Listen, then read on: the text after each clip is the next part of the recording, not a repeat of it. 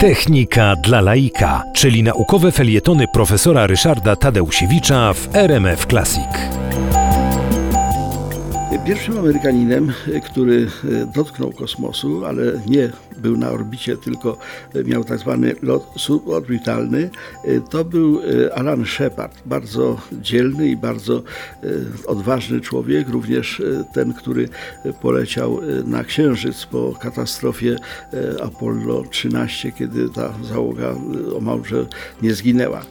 Alan Shepard był człowiekiem bardzo przedsiębiorczym, bardzo odważnym i kiedy go wysłano ostatecznie w dniu 5 maja 1961 roku, w dniu 5 maja 1961 roku w kosmos, to miał dwie zabawne przygody odliczanie przed startem bardzo się przedłużało.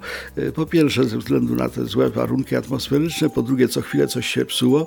Wobec tego na szczycie tego wulkanu, jakim jest w końcu każda rakieta, która ma wystartować, był człowiek zamknięty w maleńkiej kapsule. Wokół niego były tylko pojedyncze centymetry miejsca, bo te kapsuły amerykańskie były bardzo ciasne. Natomiast no, on tam siedział w tej kapsule ponad 4 godziny, czekając na to, aż go wreszcie wystrzelą, no i być może zginie.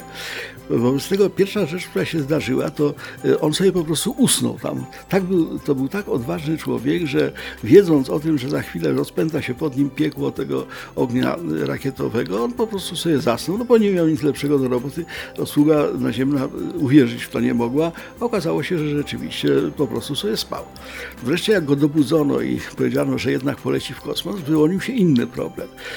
Alan Shepard lubił kawę, wypił parę filiżanek za dużo i w momencie, jak siedział na wierzchołku tej rakiety, no, zaczął potrzebować siusiu. No, wyjść z tej rakiety nie mógł, więc w związku z tym, przepraszam, że mówię o takich rzeczach, zesiusiał się do swojego kosmicznego kombinezonu.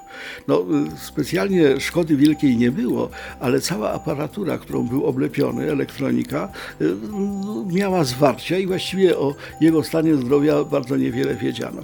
Niemniej jednak lot się udał, lot był suborbitalny, to znaczy wzniósł się tylko ponad atmosferę ziemską i wylądował z powrotem na spadochronie.